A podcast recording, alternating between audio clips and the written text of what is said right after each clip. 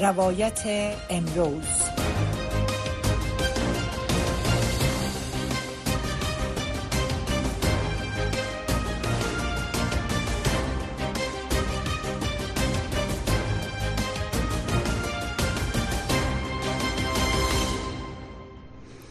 شنوندگان و بینندگان محترم برنامه روایت امروز با سلام با شما. ممنون که بیننده و شنونده برنامه ای ساعت هستین. در برنامه این ساعت روی نشست امروز شورای امنیت ملل متحد در قبال افغانستان صحبتی خواهیم داشت که لحظات قبل در نیویورک آغاز شد. البته قبل از آغاز این نشست کارولاین رایدریگرز برکت رئیس شورای امنیت ملل متحد خطابه ای را ایراد کرد که در او از طالبان خواهان لغو سریع محدودیت ها و پالیسی های شد که بر زنان و دختران در افغانستان انفاس کردند و گفت که ما من حیث امضا کننده تعهد مشترک اصول صلح و امنیت برای زنان یک بار دیگه تعهد خود را برای پیشرفت قوی و علایق زنان و دختران در افغانستان ابراز می داریم و از این تبعیض آنچه را او مداوم سیستماتیک جنسیتی طالبان و سرکوبی زنان و دختران در افغانستان خواند او را تقبیه کرد و از طالبان خواست تا این پالیسی ها را لغو کنند و به حق کار آزادی تحرک و دیگر آزادی های زنان متحد باشند. بررسی و تحلیل این نشست را که البته در عقب درهای بسته هم اکنون در حال انجام و صورت گرفتن در نیویورک است و گفته میشه که ملل متحد در این نشست احتمال میره که روی نمایندگی ویژه سازمان ملل متحد در امور افغانستان هم بحث کنه. تحلیل این نشست از خانم زهرا حق پرست فعال حقوق بشر و حقوق زن مشنیم که هم اکنون در خط تلفن با ما هستند زهرا جان سلام و سپاس از وقتتان. ابتدا برداشت شما از این نشست ملل متحد که از سوی دیدبان حقوق بشر هم مورد انتقاد قرار گرفته و دلیل از که در عقب درهای بسته است و مشخص نیست که در او چه صحبت های صورت می‌گیره چیست. آیا فکر می‌کنید که این نشست به نوع به نفع افغانستان و زنای افغانستان خاتمه پیدا خواهد کرد یا خیر؟ سلام خدمت شما خدمت شنونده رادیو شما. امروز نشستی که شما در موردش صحبت کردین. اولی که دبیر کل سازمان ملل کنتون گوترش از حضور نداره و در مورد دستاوردهایی که در مورد گزارش نتایج دو هرم کسی که مورد بحث قرار میته و در موردش گزارش میته خانمی از به نام روزمری دیکارلو فکر کنم معاون سیاسی دبیر کل سازمان ملل و این نشست در مورد سه سه مورد مهم در این جلسه و در این نشست مورد بحث قرار می‌گیره که یکی اولین اولین کاری که در این نشست صورت می‌گیره نتایج دو هست که گزارش دادم میشه از همین خانمی کسم گرفتم و بعد از اون موضوع حقوق بشری است در مورد وضعیت حقوق بشری در افغانستان که متاسفانه ما شما شاهد هستیم که وضعیت حقوق بشری از نگاه وحشتش بیداد می‌کنه. ما امروز هم شاهد از این بودیم که جوان در جوزجان در شبرخان اعدام میشه و وقتی هم که برف و باران هم متوجه میشن که مردم نمی‌تونن به خاطر تماشای دعوت کنن. میبرنش در مکان بسته و او تیرباران می‌کنن. و در پهلوش هم نماینده ویژه سازمان ملل تعیین میشن. همیشه نشستایی که در مکان بسته و پشت درهای بسته در مورد وضعیت افغانستان صورت گرفته. ما اصلا خوشبین نبودیم. اصلا نتیجه بخش نبوده مصمر نبوده سرنوشت افغانستان از بد بدتر شده. ما وضعیت بهتری را نمی‌بینیم. فقط بله. ما از اینا تقبیه میشنویم از اینا میگن که طالب باید رفتار خود در مقابل زنان و در مقابل وضعیت حقوق شریک در افغانستان جریان داره تغییر بده. چرا؟ چرا کاری که باید در عمل ثابت بسازن چرا باید بالای طالب فشار وارد نکنن؟ چرا باید سفر طالب تحریم نکنن چرا به طالب کمک مالی کنن چرا طالب باید سیر بسازن.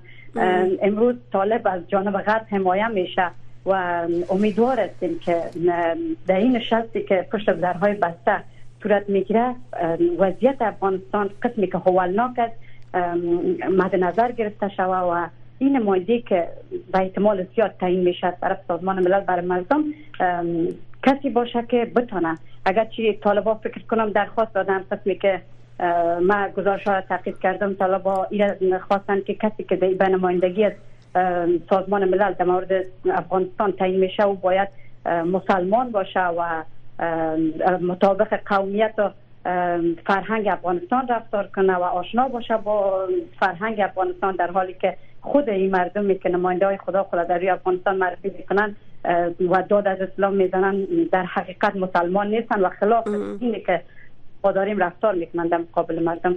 ما امیدوار هستیم که کسی که تعیین میشه یک افغانستان کم کم به سمت صلح و ثبات بره. اما تا زمانی که طالب در رأس قدرت باشد چنین چیز را ما در خواب ببینیم و محال است. بله. خب طوری که گفتم رئیس شورای امنیت ملل متحد در آغاز جلسه در خطابش گفت که طالبا حسابده قرار خواهند گرفت در قبال تخطی از حقوق زنان و دختران در افغانستان و باید هرچه سریعتری پالیسی ها را لغو کنند. یعنی ملل متحد تا حال انعطاف پذیری را در بخش پذیرش قوانین طالبان علیه زنان از خود نشان نداده. به نظر شما نگران ازیه هستین که در آینده نماینده ویژه‌ای که انتخاب میشه به نوع سهولت تعامل طالبا را با ملل متحد فراهم کنه و به نوع ملل متحد بتونه با برخی از موضوعاتی که طالبا جایگزین چیزی که زنها در افغانستان داشتن کنار بیای مثلا گفته شده که طالبا گفتن که مدرسه ها می‌تونه جایگزین مکتب برای دخترها شود. مکاتب مذهبی که این نظریه خانم روزاتون بایف هم او را گفته بود که ما روی از غور می‌کنیم و به نوع واکنش بسیار شدید زنها را به همراه داشت. آیا این نگرانی را شما دارین که در آینده نزدیک ممکن پیشنهادات طالبا از طریق نماینده ویژه برای ملل متحد قابل پذیرش شود؟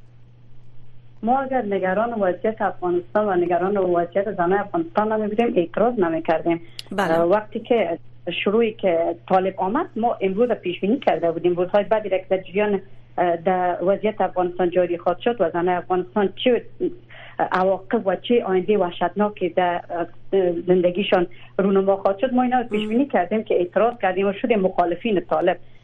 و امیدوار به هستیم که کسی که از طرف سازمان ملل تعیین میشه بتانه بتانه شرایطی را که زنای افغانستان می‌خواین و او ثبات امنیتی را که تمام مردم افغانستان از دادن و تمام حقوقی را که زنای افغانستان از دادن بتانه بالای طالبا فشار وارد کنه اما چنین چیزی بازم گفتم ممکن است زمانی که طالب در قدرت باشه. اما مدارس دینی مدارس دینی که افراطیت ترویج می‌کنن مدارسی که انتحاری و جامعه تقدیم کنه مدرسه دینی که وحشت تجاوز لواتت و این موضوعات عام بسازه یا سربوریدن تیرباران کردن عام بسازه ما چنین چیزی را هرگز بگذین نظام نصاب تدریسی معارف قبول نداریم. هیچ زن افغانستان هیچ دختر افغانستان راضی به این نیست که اولادش افراطیت آموزش ببینه تعلیم پیدا کنه از راه افراطیت. و این که طالبات چی کار می‌کنن مشخص است که اونا لیست میفرستن به خانه اونا را مجبور می‌سازن خانواده که دختر پسرشان به مدارس بفرسته. و البته بعضی خانواده که دخترایشان مشکلات افسردگی پیدا کردن اونا از تعلیم دور هستن اونا از کار دور هستن و اونا را به اماکن آموزشی مدارس دینی یا مثلا کارگاه های خیاطی میفرستن مخیانه اونا هم از را به بهانه اجاب دستگیر میشن. وضعیت وحشتناک شده در افغانستان و ما هرگز نمی‌خواهیم که کسی که به نمایندگی سازمان ملل تعیین میشه بر افغانستان تعامل یعنی راه تعامل با طالب بسنجه و شرایط بله. طالبانی را عزیز تر تطبیق کنه. هرگز ما فقط دیگه می‌خوایم که کسی باشه که وضعیتی را که طالب فعلا حکم روایی را که داره و وحشتی که جریان داره او را کنترل کنه او را بالاشان فشار وارد کنه و نگذاره که سیستم انارشی از این جاتر پیش بره. تا کنون دو سال و انده بیش از دو نیم سال از اقتدار طالبا در افغانستان میگذره طوری که شما گفتین اعدام ها تخویف ها کشدار ها زندانی ساختن حتی زنان معترض هشداری هایی که به اونا داده میشه که باید صحبت نکنن. روز قبل از سوی مقامات طالبا در خوست به رادیوهای محلی و تلویزیون ها گفته شده بود که دیگه تلفن های دختران و زنان که با این شبکه ها در تماس میشن نگیرن. یعنی شدت اعمال و دساتور و فرامین طالبا در قبال تخطی از حقوق بشر به شدت جریان داره. و نظر شما موضع جهان باید چگونه باشه؟ دو سال انده گذشت تقبیه ها صورت گرفت ولی هیچ تأثیری روی طالبا و عملکردشان چه در قبال زنها و چه حقوق بشر به طور کل از خود بر جای نگذاشته. قدم بعدی چه باید باشه؟ بارها ما تاکید کردیم و ایده گفتیم که جونما یک دفتر نمایشی یک دفتر فرمالیته در افغانستان داره و اصلا کاری به مردم افغانستان خصوصا زن افغانستان نکرده. این که چند بار با معترضین از نزدیک دیدار کرده و صدایشان شنیده و اما او را انعکاس نداده ای که وضعیت تغییر نکرده و گفتم بد بدتر شده.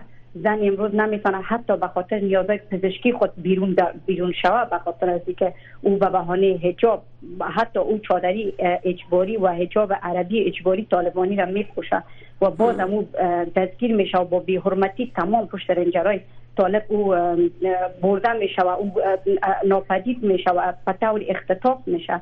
و هیچ خانوادهشان از وضعیت زنا اطلاع پیدا نمی‌کنن. ما فقط از غرب ما فقط اعلامیت شنیدیم. ما فقط اونا را تقبیهشان شنیدیم. و ای که گفتن طالبا ناقض حقوق بشر هستند وقتی که ناقض حقوق بشر هستند در زمانی که زن به فضا میره چرا باید زن افغانستان امروز از جزئی ترین آزادیش که حتی دینش برش داده محروم شود؟ مشکلی است که امروز غرب و یک نحوی از طالب حمایت می‌کنه. طالب به قدرت رسان و از تمام فجایی که جریان داره توسط طالب آگاه است. اما مایی که اینجا حقوق ما کاملا نقض شده و تنها ماندیم و کسی در کنار ما نیست تنها می جنگیم چرا که غرب به خاطر منفعت خود طالب به قدرت رسان. ای که چه منفعتی وجود داره مشخص است که افغانستان دارای معادن بسیار بزرگ است و در پهلوی سیاست هایی که بین سیاست چین روسیه و آمریکا اینجا مردم افغانستان تلف شد و خصوصا زنای افغانستان نابود شدن. امروز زن افغانستان حتی اجازه نفس کشیدن خدا نداره حق انتخاب انتخاب شوهر خدا نداره. در عروسی شوید حتی اشتراک کرده نمی‌تونه. در پهلوی داماد خود باشه. و در پهلوی ازی زن که اونا اجازه نمیتن که برسانات صحبت کنه قبل از هم در جریان دونیم سه سالی که ما اعتراض می‌کنیم هیچ زنی اگر صحبت می‌کنه با رسانه و در مورد وضعیت جاری صحبت می‌کنه او مخفیانه صحبت می‌کنه. حالی وضعیت به حدی ترسناک شده که دخترایی که در کابل هستن تیم کارتایشان و تمام نمبرایی که تیم کارتای تلفنی تمام اونا چک میشه شنود میشه توسط طالب و هیچ کسی نمی‌تونه پای خود از فراتر از قانون طالب بگذاره. وضعیت وحشتناک است و ما فقط یک قیام مردمی را می‌خواهیم فقط مردم خودشان فعلا می‌تونن سرنوشت خود تغییر بدن و اما جهان جهان ما بارها ازشان خواستیم که تماشا نکنیم. تحمیل کنین فشار وارد کنین زبان طالب زور از با زور وارد شوین اما کاری نکردن اونا تماشا می‌کنن. و ما هستیم که طلب شدیم. شما در اروپا هستین و شاهد آل احوال کشورهای اونجا البته تاثیرات تنش های جهانی معمولا جنگ در اوکراین است. جنگ در شرق میانه جریان داره. بیشتری کشورها چه در اروپا چه در امریکا مصروف خود کرده موضع حکومت های اروپایی را چطور ارزیابی می‌کنه آیا همسان و همگان با حکومت ایالات متحده است؟ وقتی صحبت از طالبان میشه یا که او کشورها نگرانی های خاص خود را علایق خاص خود را و موضع خاص خود را به سمت طالبان داره. قسمی که امروز هم در نشست دوها پشت درای بسته بحث حقوق بشری قبل از آغاز نشست رسمی بین کشورهای مثل انگلند، سوئیس، آمریکا، امارات و کره جنوبی یک رایزنی می شود در مورد وضعیت حقوق بشری صحبت می‌کنن. بعضی این کشورهایی را که بردم اینا بازم حمایت خود از زنان افغانستان اعلام کردن. اینا گفتن که وضعیت حقوق بشری نقص شده از جانب طالب کشورهای اروپایی هم که اصلا ما نمی‌تونیم هرگز افغانستان مقایسه کنیم با, با حتی یک کشور اسلامی همسایه چون که وضعیت فوق العاده ما با عمق دور کمون اولیه رفتیم. زنای افغانستان به دور کمون اولیه رفته و ای کاش به گذشته چند قبل برگردیم که او وقت حتی زن می‌تونست رانندگی کنه در زن در سینما کار کنه زن دانشگاه بره و زن حق انتخاب و حق آزادی خود داشت. ما کشورم کشورهای جهانم موضوع اوکراین موضوع غزه و اسرائیل اونا گفتم که جهان به خاطر منفعت خود مردمی را که تلف میشن اونا را فراموش کرده و موفقیتی را می‌خواهیم که جهان باید کمی تکان بده خود وضعیت فرقی فرقی با کشتار نسل کشی دور نازی ها امروز افغانستان نداره. امروز علنا ها در میدان های ورزشی اعدام میشن. زنا شلاق زده میشن سنگسار میشن. مردم به خاطر مذهب خود انفجار دادن میشن انتحاری میشن.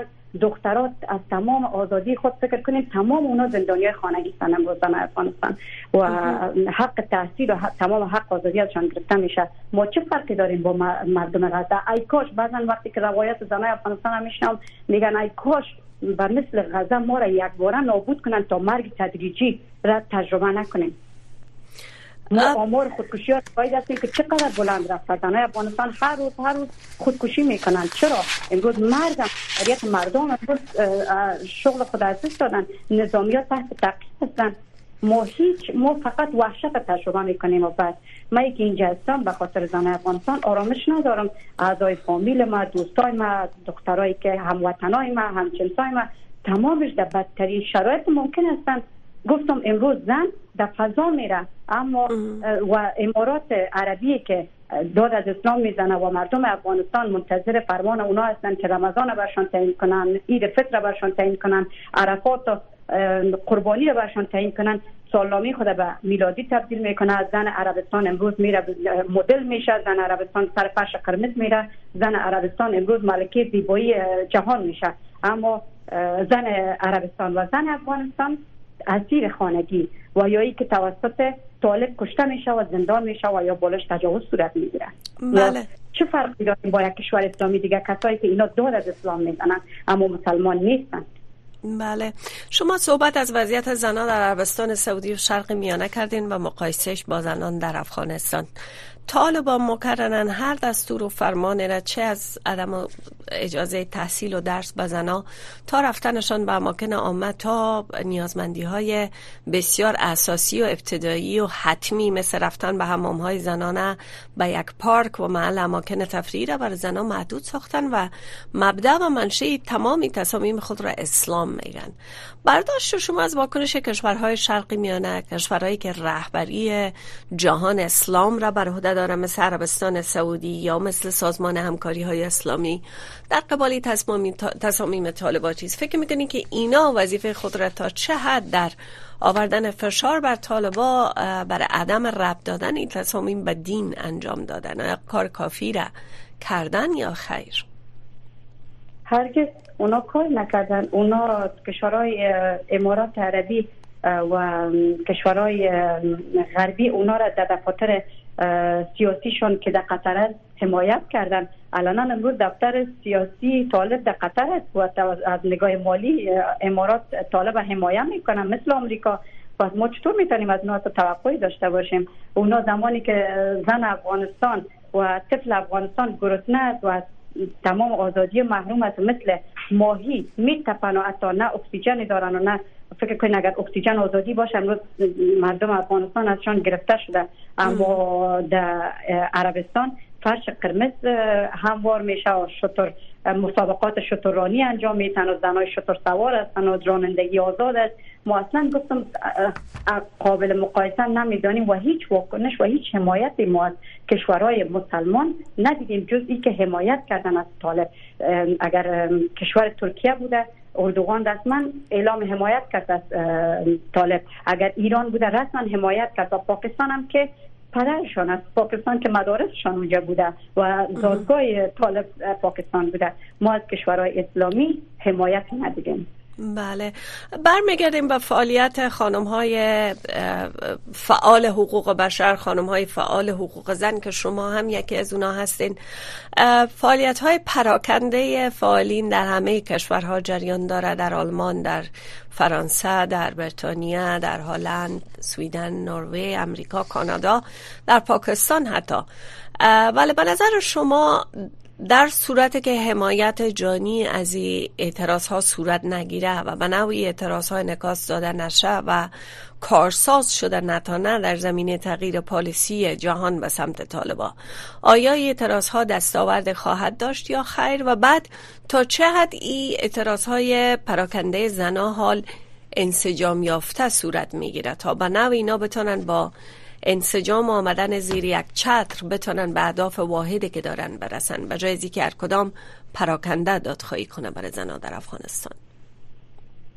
در اول وقتی که طالب به قدرت رسید زنای افغانستان وقتی که شغلای خود از دادن و یا که منی که شغل خود از نداده بودم یک دندان پزشک بودم اما اعتراض کردم به خاطر از اینکه امروز ما پیش بینی کرده بودم که روزی میشه که هیچ زنی نمی‌تونه به کار خود برگرده. زنها تمام آزادیاشان گرفته میشن و محدود میشن.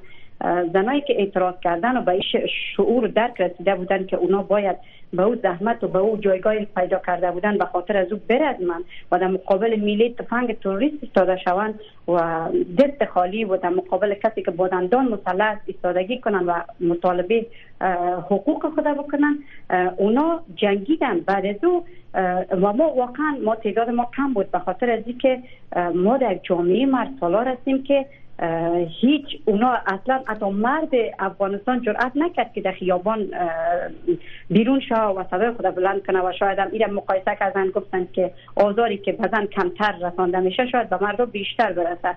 اما ما درخواست دادیم ما از مردم از مردم کمک خواستیم که در کنار ما باشن. اما حتی مردای خانوادی ما ما را حمایت نکردن. ما بارها درخواست دادیم که وقتی که اجازه ورود طبقه ذکور به دانشگاه و مکاتب داده شده چرا باید شما پسرای خود اجازه بدین که به درس بره؟ شما می‌تونین بخاطر یک با یک اعتصابی که پسرای خود اجازه ندین به درس بره در کنار زنای افغانستان دخترایتان باشین. اما چنین کاری نشد. چرا که اکثریت مردای افغانستان چنین دیدگاه طالبانی داشتن و این زنا بودن که اینجا از همه حقوق خود محروم شدن. و وقتی هم که ما اعتراض کردیم ما نمی‌تونستیم که همگی در یک مکان جمع شویم. اعتراض ما به حد مدیریت مدیریت اساس می‌شد که وقتی که ما شب برنامه می گرفتیم تصمیم می گرفتیم که اونجا جمع شویم طالب بله. تمام ساحه را محاصره می‌کرد. تمام کوچه ها بند می‌شد و چنان فیرای هوایی و فیرای زمینی می شده شلاق زده می‌شدن موبایل ها شکستانده می‌شد رسانه ها اجازه پوشش خبری شما ویدیوهایی که شما شما دیده باشین خبرنگار فلسطینی اینا لطوکوب می‌کنن. دختر خبرنگار لبنانی را اینا شکنجه می‌کنند در جریان اعتراضات و ما نمی‌تونستیم که از هر مکان در یک ساعت مشخص جمع شویم به خاطری که وضعیت وحشتناک می‌شد. ساحه تمام ساحه محاصره می‌شد و حتی زنی که از مسیر خیرخانه به سمت طرف مثلا قلعه فتلا میره او از تاکسی پایین کشیده می‌شد و موبایلش چک می‌شد که تو کدام سمت میری. اونا را پورا استخباراتی بهشان می‌رسید. بارها با من تماس گرفته شد و گفت که فردایی که شما اعتراض این مکان دارین ما می‌فهمیم. بین شما اگر انتحاری صورت بگیره مسئول تو هستی که مدیریت می‌کنی دخترها را. حتی به مستقیما تهدید و اختار میشنیدیم. اما ما ادامه داریم بعدهایی هم که خیابان از ما گرفتن اینا با دستگیری سرگروه اینا با دستگیری دخترایی که تاثیرگذار بود چیره هایشان در اعتراضات کاری کردن که همه دخترای دیگه وحشت زده این کار استاپ کنن و من بعد صدای خود در مقابل طالب نکشن بیرون اما بازم این معترضین بودن که تانستن متفرقانه نه که گفتم وقتی که ما در خیابان نمی‌تونستیم با هم منسجم شویم چطور بله. می‌تونیم در یک مکان نه یک جای شویم. دخترها متفرقانه جمع می شدن در یک مکان. کسی خانه خود در اختیار دوست خود قرار می‌داد. کسی یک رستوران تا یک کارگاه خیاطی را یک مدرسه دینی را آدرس می‌داد. اما دخترها وقتی که ده نفر اضافه تر ده نفر داخل یک خانه می‌شد سوال برانگیز می‌شد چرا که در هر کوچه یک پاسمان طالب است. اونا گزارشدهی بله. می‌کردن و این اعتراضات تا حدی رشد کرد که اگر ما را هر قدر شکنجه کردن تلاش کردن که ما را نابود بسازن اعلام موجودیت ها شد و جنبش های جدید شکل گرفت دخترها از هر گوشه ولایت ها سر بلند کردن اعتراض کردن و این دامنه اعتراضات رشد داده شد. این که امروز در داخل افغانستان نمی‌تونه کسی منسجم شود چون که شرایط برش مهیا نیست بله. وقتی که رسانه را از دختران می‌گیرن وقتی که در رادیو یک دختر تماس گرفتن نمی‌تونه او چطور می‌تونه وقتی که دختری که به خاطر دکتر رفتن از خانهش بیرون شدن نمی‌تونه او چطور می‌تونه به نیت اعتراض خانه دوست خود جمع شود یا بره در خیابان امرا یک به یک آدرس دیگه مراجعه کنه چهار دختر در یک مکان جمع شوند. هرگز چنین چیزی ممکن نیست در افغانستان. شرایطشان گرفته شده. بله. اما مثلا که دخترها در کشورهای دیگه هم همسایه هم اعتراض می‌کنن بله دخترای ما که مجبور به راندن از کشورشان شدن. دخترایی که مجبور به هجرت ساختن تبعیدشان کردن. مثل که منی که یک شاغل بودم چرا ما باید از کشورم بیرون شوم؟ من خب شاق و آزادی بیرون نشدم اما مرا راندن از کشورم. مرا مجبور که من زندان شدم وقتی که مرا به خاطر مطالبه حقم لط کردن و ما و ما آسیب رساندن وقتی که به فامیل من گروگان گرفته شد به خاطر حفظ جانم به خاطر از اینکه وسیعتر فعالیت خود آزادانه بتونم به ضدشان بکنم. و بله. صد دختر دیگه در بند باشم خدا به جای عمل رساندم. و همین قسم دخترها امروز هستن هم صداهای ما هم جنسای ما. در کشورهای اروپایی در کشورهای امریکایی که متحدانه با یک هدف که طالب مخالف ما و ما نظام طالبان یا نمی‌خوایم ما اعتراض می‌کنیم و ای کاش فرصت چنین فرصت مهیا شود که ما هم مستجمانه در یک قطار بریم. متاسفانه که بعضا سیاستمدارای قبلی و انجوبازهای قبلی و زنای سو استفادهگر قبلی رخ نکردن در بین اعتراضات و باعث شدن که دخترها را اعتراضات دخترها را بپاشانند. و یا که از آب گلالود ماهی بگیرن و اینجا در, در نشست ها خود نماینده های دخترای معترض معرفی کنند بله. اگر دخترای معترض بتانن می‌تونن از این سو استفادهگارا را کنار بگذارن و منسجمانه یک نماینده خود تعیین کنن که من بله. کسی باشه در مقابل طالب که صدای دخترای در بند باشه زهرا جان وقت بسیار کم از شما یک نکته بسیار خوبی را تذکر دادیم که حمایت از جانب مردهای جامعه هم نمی شده. متاسفانه افغانستان حتی قبل از ظهور طالبان یک جامعه سنتی و یک جامعه با نگاه غرضآمیز و تبعیض‌آلود به سمت زنا بود. یا نه هستن مردهایی که هنوز ممکن با پالیسی های دیگه طالبان موافق نباشن ولی وقت به زنا می‌رسه با اونا موافق هستن برداشت شما از عملکرد مرد در جامعه افغانستان در قبال مبارزه برای حق زن چیست؟ آیا چیزی به این وجود داره یا خیر مثل کشورهای ایران؟